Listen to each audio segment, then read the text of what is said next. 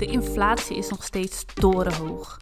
Volgens statistiekbureau Eurostat kwam het in oktober uit op 10,7% voor de eurozone, wat een nieuw record betekende.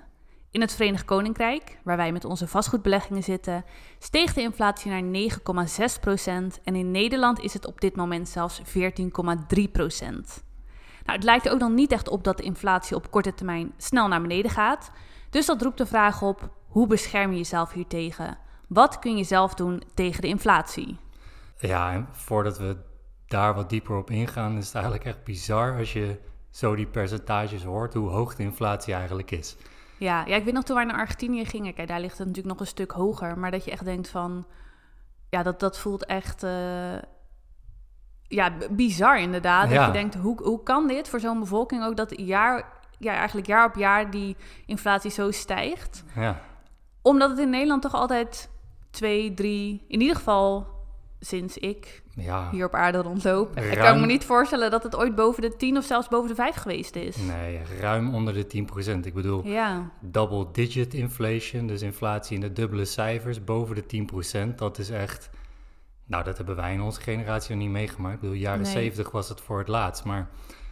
Ja, als je het dan weer zo opnoemt, het blijft echt zo bizar hoe hoog die inflatie is en hoe snel dat eigenlijk gestegen is in ja, vrij korte tijd. Ja, want dat is eigenlijk sinds 1, anderhalf jaar, hè? Ja, zoiets. ja. Dus, uh, maar goed, dat terzijde. Um, de stappen. De stappen, ja. Ik denk de eerste stap is, uh, dat is sowieso altijd belangrijk, om kritisch te kijken naar je uitgaven. En sowieso is het belangrijk om eens in de zoveel tijd gewoon eens kritisch door je uitgaven te gaan. Gewoon uh, bewust te blijven van waar gaat mijn geld eigenlijk naartoe. Ja, ondanks ja. of, of het nou inflatie is of, of weet ik veel wat. Het is gewoon goed om echt feeling te hebben met wat je uitgaven zijn. Ik bedoel, je kan een hele hoop geld verdienen, maar het is gewoon belangrijk om te weten, oké, waar gaat het geld nou naartoe? En zeker in deze tijden, waarin ja, we nu dus hoge inflatie hebben, mensen uh, hebben hogere kosten, je levensonderhoud is hoger. Dan is het belangrijk om te kijken, oké, wat zijn nou die essentiële zaken in mijn uitgaven en wat niet? Waar kan ik korte tijd of zelfs wel langere tijd zonder? Ja. Dus dat je echt heel duidelijk dat onderscheid maakt tussen ja, dit, dit is gewoon noodzakelijk voor mijn levensonderhoud. En, en dit zijn zaken waar ik, waar ik wel een tijdje zonder kan. Ik denk dat dat de belangrijkste eerste stap is. Ja, en als we dan ook even een persoonlijk voorbeeldje. Toen wij hier in uh, juli was het, denk ik, was het echt bloedheet. Hadden we de airco elke nacht aan. Nou, die energierekening was echt... Uh, ja, we schrokken ons kapot. Ging ze gek omhoog. Ja, en, maar omdat we daar dus gewoon bovenop zaten van... ja, oké, hoeveel gaat er dan dus uit nu? Dan weet je ook voor augustus dat we zoiets hadden van, oh ja, misschien even iets um, ja, kritischer kijken naar wanneer zetten we hem aan of wat is nodig. Of nou, en dan scheelde dat het hier steeds koeler wordt. Dus die airco op een gegeven moment gewoon helemaal niet meer aanstond. Maar het zijn gewoon kleine dingen dat je denkt, oh, wacht even, hier gaat dus ineens ja, vijf keer zoveel geld naartoe als, als wat we normaal gesproken per maand betalen. Ja, en is het dan inderdaad nodig dat die zo lang aanstaat? Of, ja, of, of kan het ook even, e-, even iets korter? Of, dus het is niet dat we dan gelijk maar badend in zweet gingen slapen... omdat we dachten, we zetten dat ding niet meer aan. Weken niet geslapen. Nee. Maar het is dan meer dat je inderdaad kijkt van... oh ja, kunnen we het misschien net even wat slimmer doen of zo? Omdat het gewoon wel echt zonde is als er ineens... als je kosten ineens met ja, keer vijf gaan, zeg maar. Nou, maar dat... en dan misschien nog een zijstap... dat vind ik op zich ook wel een goede ontwikkeling van uh, de huidige situatie... is dat er echt wel kritisch wordt gekeken naar bepaalde verspilling ook. Ja, Net zoals dat je hoorde in het nieuws van... oké, kantoren die standaard op een bepaalde temperatuur uh, die warmte houden. Ja. Ook als ze leeg zijn, ook in het weekend. Lichten aan als ze leeg Lichten aan, dat soort zaken, dat daar gewoon kritisch naar gekeken wordt. En dat, dat, is, dat is gedreven door een kostenoogpunt. Maar ja, het belangrijkste is dat het natuurlijk gewoon ook verspilling is. En verspilling, dat is gewoon zonde. Of dat nou privé is, hè, verspilling. Dat is net zoals dat je een, uh, een sportschoolabonnement hebt, maar je gaat nooit naar de sportschool. Kun je zeggen, ja. ja, het zijn een paar tientjes per maand, maar het is wel verspilling. Ja.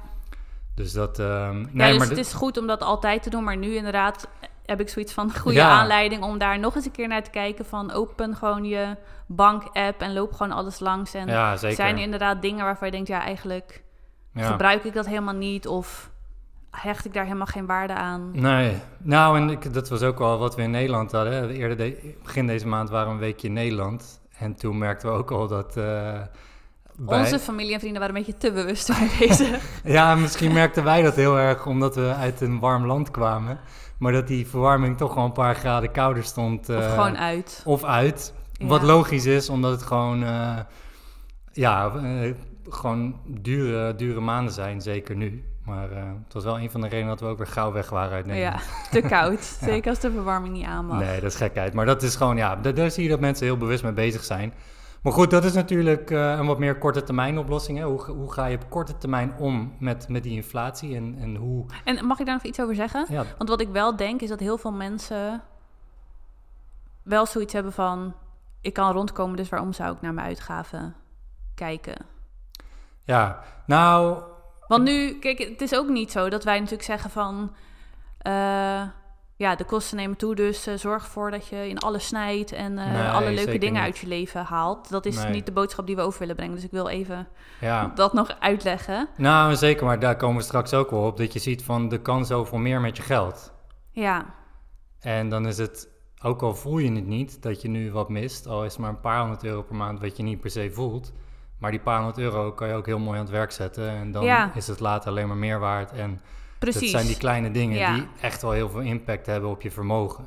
ja, Ik denk dat dat, dat wel de voornaamste boodschap is. ehm, van voor, deze punt, voor- dit punt. ja, Voor, het, voor het bespaarstukje wat we nu... Ja, eh, want het is natuurlijk. Kijk, al merk je nu, al heb je genoeg inkomsten en kan je die inflatie makkelijk opvangen, die, die stijgende kosten. Dan nog is het slim, inderdaad, om naar je uitgaven te kijken. Gewoon puur omdat het. Het is zonde om geld eigenlijk weg te laten sijpelen als je daar niks voor terugkrijgt. Ja, nou dat is het ding met inflatie ook. Hè. Ik bedoel, je, je merkt het nu eh, heel sterk omdat de inflatie echt eh, als een gek is gestegen. Ik bedoel, eh, ja, dubbele cijfers hebben we het nu over. Dus je voelt echt, als het goed is in je boodschap, in je energierekening, dat, dat het duurder wordt. Maar normaal gesproken, als de inflatie ja, rond het normale cijfer ligt, 2, 3 procent, dan vreet het ook al aan je geld Ja, en aan je vermogen. En dan ja, merk je het niet zo bewust van dag tot dag of van maand tot maand. Maar op jaarbasis, dan doet dat echt wel heel veel. ja. ja. En daar, dat, ik denk dat dat de hoofdboodschap is voor, voor deze podcast. Van het belang van aan het werk zetten. En, en hoe versla je dan eigenlijk die inflatie? Dat is een beetje ja, en wees je ervan bewust wat er gebeurt dus met je geld en je Ja. inkomsten en je uitgaven als je dat niet doet. Precies, ja. Ja, Ja, dus, dus wat ik al zei, waar we in deze podcast dan voornamelijk op willen focussen, is, is op die lange termijn. Ehm, op welke manier zorg je nou voor dat je geld niet minder waard wordt elk jaar, maar op de lange termijn juist meer geld waard wordt. ja, Dus, en dan komen we gelijk bij stap 2, dat is je geld effectief aan het werk zetten. En dan historisch gezien, ja, wat, wat is de beste manier om je geld te laten groeien? Dat is het te beleggen op de beurs. Ja, wat misschien nu heel tegenstrijdig voelt voor mensen, omdat de beurzen natuurlijk niet zo eh rooskleurig erbij staan. Nee, als je kijkt naar begin dit jaar waar de beurs stond, de aandelenbeurs, en waar het nu staat, dan staat het wel een stuk lager dan, dan toen. Maar ook daar gaat het natuurlijk om de lange termijn. Ja, Ik bedoel, een recessie is nu onvermijdelijk, dus dan denk je misschien ook van ja, moet ik nu gaan beleggen? Of, ja, het voelt wat- heel tegenstrijdig voor mensen. Precies. Maar dat is het vaak met, met beleggen. En in die zin het beste moment om te gaan beginnen, dat, dat vind je nooit. Die bodem, die pak je nooit. Nee, maar je kan beter natuurlijk dichter bij een bodem zitten dan bij de top. Dus in die zin kan je beter nu gaan beginnen dan Nou, dat, dat is je... denk ik de beste manier om het te framen. jaar geleden Je kan beter nu beginnen dan dat je begin dit jaar begon, Ja. of vorig jaar. Ja. Omdat je dan inderdaad op de, op de meest recente top zou zijn ingestapt. Maar ik denk wel, kijk, mensen die voelen nu heel erg van... Ja, mijn geld is soort van door mijn vingers aan het glippen. Het, het gevoel dat je geld verliest buiten je eigen controle... door de stijgende kosten. En dan denk ik dat heel veel mensen ook de angst hebben... Ja, maar- maar als ik dan aan het werk ga zetten of, of op de beurs ga beleggen... dan heb ik de kans dat ik nog meer verlies. Dat is denk ik wel de angst die mensen Ja. nu tegenhoudt. Ja. Om dan, want heel veel mensen weten het wel. Van ja, mijn geld op mijn spaarrekening wordt nu minder waard. Ik kan het beter beleggen. En toch doet, doet het grootste deel het niet. Nee, omdat Vanwege die- de angst, omdat ze denken, ik, verlies nog meer op de ja. beurs. Ja. Maar dat Maar heeft dat eigenlijk dus- niks met de beurs te maken, maar veel meer met te Nou, weinig dat- kennis of ervaring. Ja, dat, maar ook met een, een te korte horizon. Dus Ja, dan dat, bekijk je het te korte termijn. Ja, Ja. als je jan- in januari was ingestapt en je kijkt nu naar je beleggingsportefeuille, denk je van waarom ben ik toen ingestapt? Maar als je kijkt naar de beurzen over een 5, 10, 20, 30 jaar termijn, ja, dan, dan heb je het over hele, hele andere rendementen dan nu die zes maanden of die, die tien maanden waar we nu in zitten. Ja. ja, want dan is het eigenlijk juist relatief stabiel ehm, omhoog. Ja, dus, en dat, dat is waar je moet focussen. Je moet je focussen op gemiddelde. Dat is hetzelfde met de inflatie die we nu zien. Die inflatie is nu heel hoog. Uh, Nederland 14%, eurozone 10%. Maar over een periode van 10, 20, 30 jaar zitten we eerder rond het gemiddelde van, van 2 à 3 procent dan dat we in de dubbele cijfers blijven. Die inflatie blijft niet zo hoog. En de, de daling van de beurs nu, uh, dit jaar, ja, dat is een dip dit jaar. Als je kijkt over de historie van de beurs, of het nou de aandelenbeurs is, cryptobeurs, vastgoedmarkt, ja, daar zitten dipjes bij. Maar long term, lange termijn, gaat het omhoog. En dat kan je bijvoorbeeld zien in de, in de performance van de SP 500, een van de grootste uh, aandelenindexen ter wereld. De, van de 500 grootste Amerikaanse bedrijven gemeten naar, eh, naar beurswaarde. Ja, die heeft een gemiddeld jaarlijks rendement behaald van ongeveer 11% over de afgelopen 10 jaar. Met inclusief dus eigenlijk al die dalingen. Ja, en inclusief de dip van dit jaar. Als je kijkt naar Bitcoin, Bitcoin heeft over de afgelopen 10 jaar een gemiddeld jaarlijks rendement gehad van 106 Zo, ja. Ja, dat, dat is niet normaal. En voor vastgoed in Nederland zijn de prijzen over de afgelopen vijf jaar gemiddeld met 8% gestegen.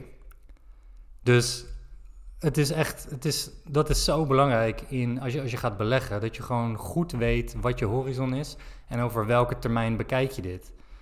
Ja, je kan er twee maanden uitpakken, je kan er tien maanden uitpakken, of je bekijkt het historisch gezien over een langere periode en dan is het beeld heel anders. Ja, en dat is eigenlijk ook de. Of, of dit is eigenlijk de belangrijkste case om, om altijd met een lange termijn strategie te beleggen. Precies, en dat geeft dus ook aan dat, dat die beleggingsrendementen die ik nu noemde, van, van, die, van die drie uh, beleggingsvormen, ja, dat is veel meer dan, dan de gemiddelde inflatie uh, over een lange periode van 2 à 3 procent. Ja.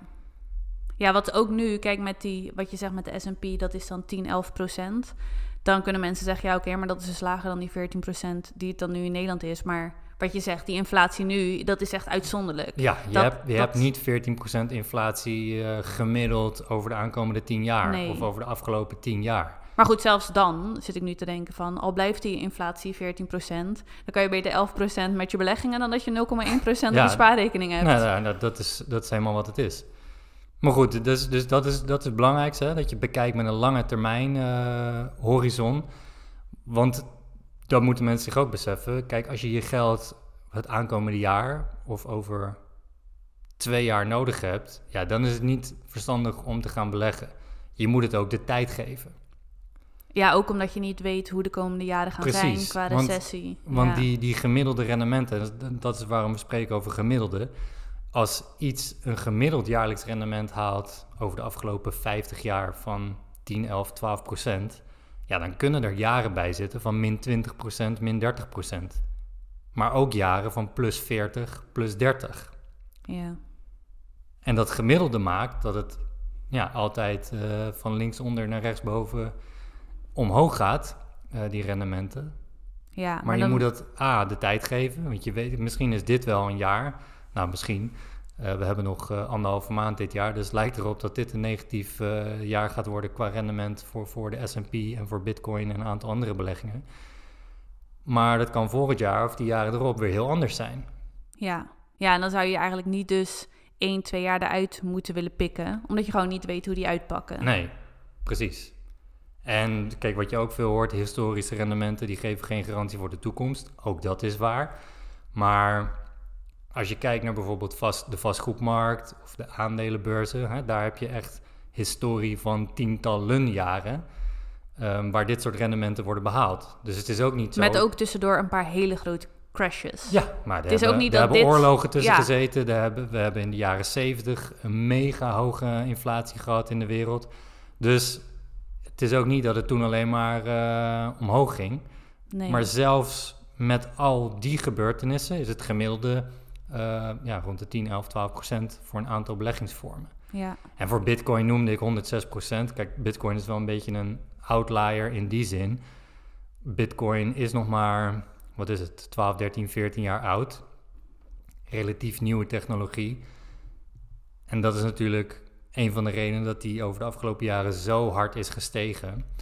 Het is niet realistisch om te denken dat Bitcoin over de aankomende 10 jaar gemiddeld gezien weer 106% gaat doen. Dat, dat zal veel lager liggen.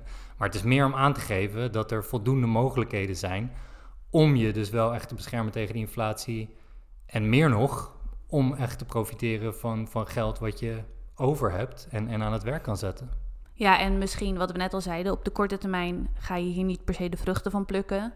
Maar op de lange termijn, of als er volgende keer weer een flinke stijging in inflatie is en je begint hier nu mee, dan ben je in ieder geval verzekerd dat je je geld niet zo, of dat je niet zoveel geld verliest als dat je nu doet als het nu op je spaarrekening Nou staat. ja, absoluut. Ja. Dus hoe langer je dat de tijd kan geven, als je daar nu al mee gaat beginnen, Ja, dan bescherm je dus eh, voor de toekomst tegen inflatie. ja. En hadden we nog een derde stap. Ik denk de derde is, is het genereren van passief inkomen. En dat is dan eigenlijk extra inkomen genereren naast je standaard inkomen uit, uit je werk. Ehm, als je kosten dan stijgen, dan kan je dat makkelijk opvangen zonder in te hoeven leveren op, op je levenscomfort of iets dergelijks. Dus ja, op het moment dat jij een passief inkomen trekt vanuit je beleggingen, of dat nou is eh, vanuit je vastgoed of, of aandelenportefeuille, ja, dan zou het heel mooi zijn als je dit kan blijven herinvesteren en niet aan hoeft te komen. Maar het is natuurlijk ook mooi dat je op het moment dat het nodig is, dat je daar wat van kan gebruiken. Ja, dat je. Ik denk dat er best wel mensen zijn, dat, dat lees je ook in het nieuws van de armoede stijgt in Nederland, maar dat ook steeds meer de middeninkomens geraakt worden. Ja, als je dan afhankelijk bent van inkomen uit je werk en je merkt dat dat inkomen eigenlijk niet meer voldoende is om de stijgende kosten te kunnen dekken, dan is het natuurlijk heel fijn als je daarnaast nog een extra stroom hebt die je dan kan aanspreken om in ieder geval die, ja, die rust en die financiële zekerheid te Ja. ervaren. Dat je niet gelijk denkt van. Want zeker als je geen onder- ondernemer bent en je bent afhankelijk van een baan in loondienst, ja, dan kan je niet even zeggen, nou, ik, ik ga dit deze week of deze maand even wat harder werken om meer inkomsten te Nee. genereren.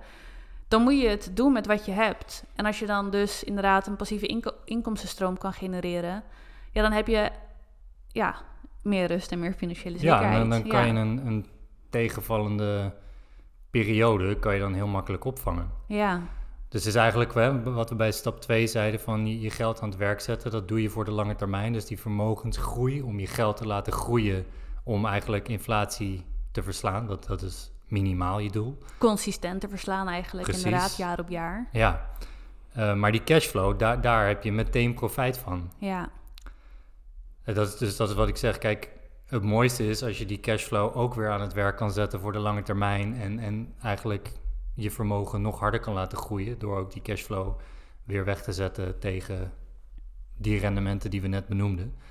Maar wat je zegt, het is ook supergoed ehm om dat te kunnen gebruiken in, in tijden dat het nodig is. Ja, dat vind ik bij ons wel heel lekker. Dat de, de passieve inkomsten die we nu bijvoorbeeld uit vastgoed in Engeland halen, die investeren we weer in vastgoed in Engeland. Dat herinvesteren we. Maar mocht, mocht het om een of andere reden tegenvallen volgend jaar, of mochten we echt geld nodig hebben, dan kan je zeggen, nou, we veranderen onze strategie en we, laten dat, we bekeren dat geld uit en we gaan daarvan leven of, of bepaalde kosten tijdelijk even dekken. Ja, En dat geeft gewoon heel veel rust dat je nog een extra knop hebt om aan te draaien. Waarvan je kan zeggen, nou ja, toch een soort van noodpotje.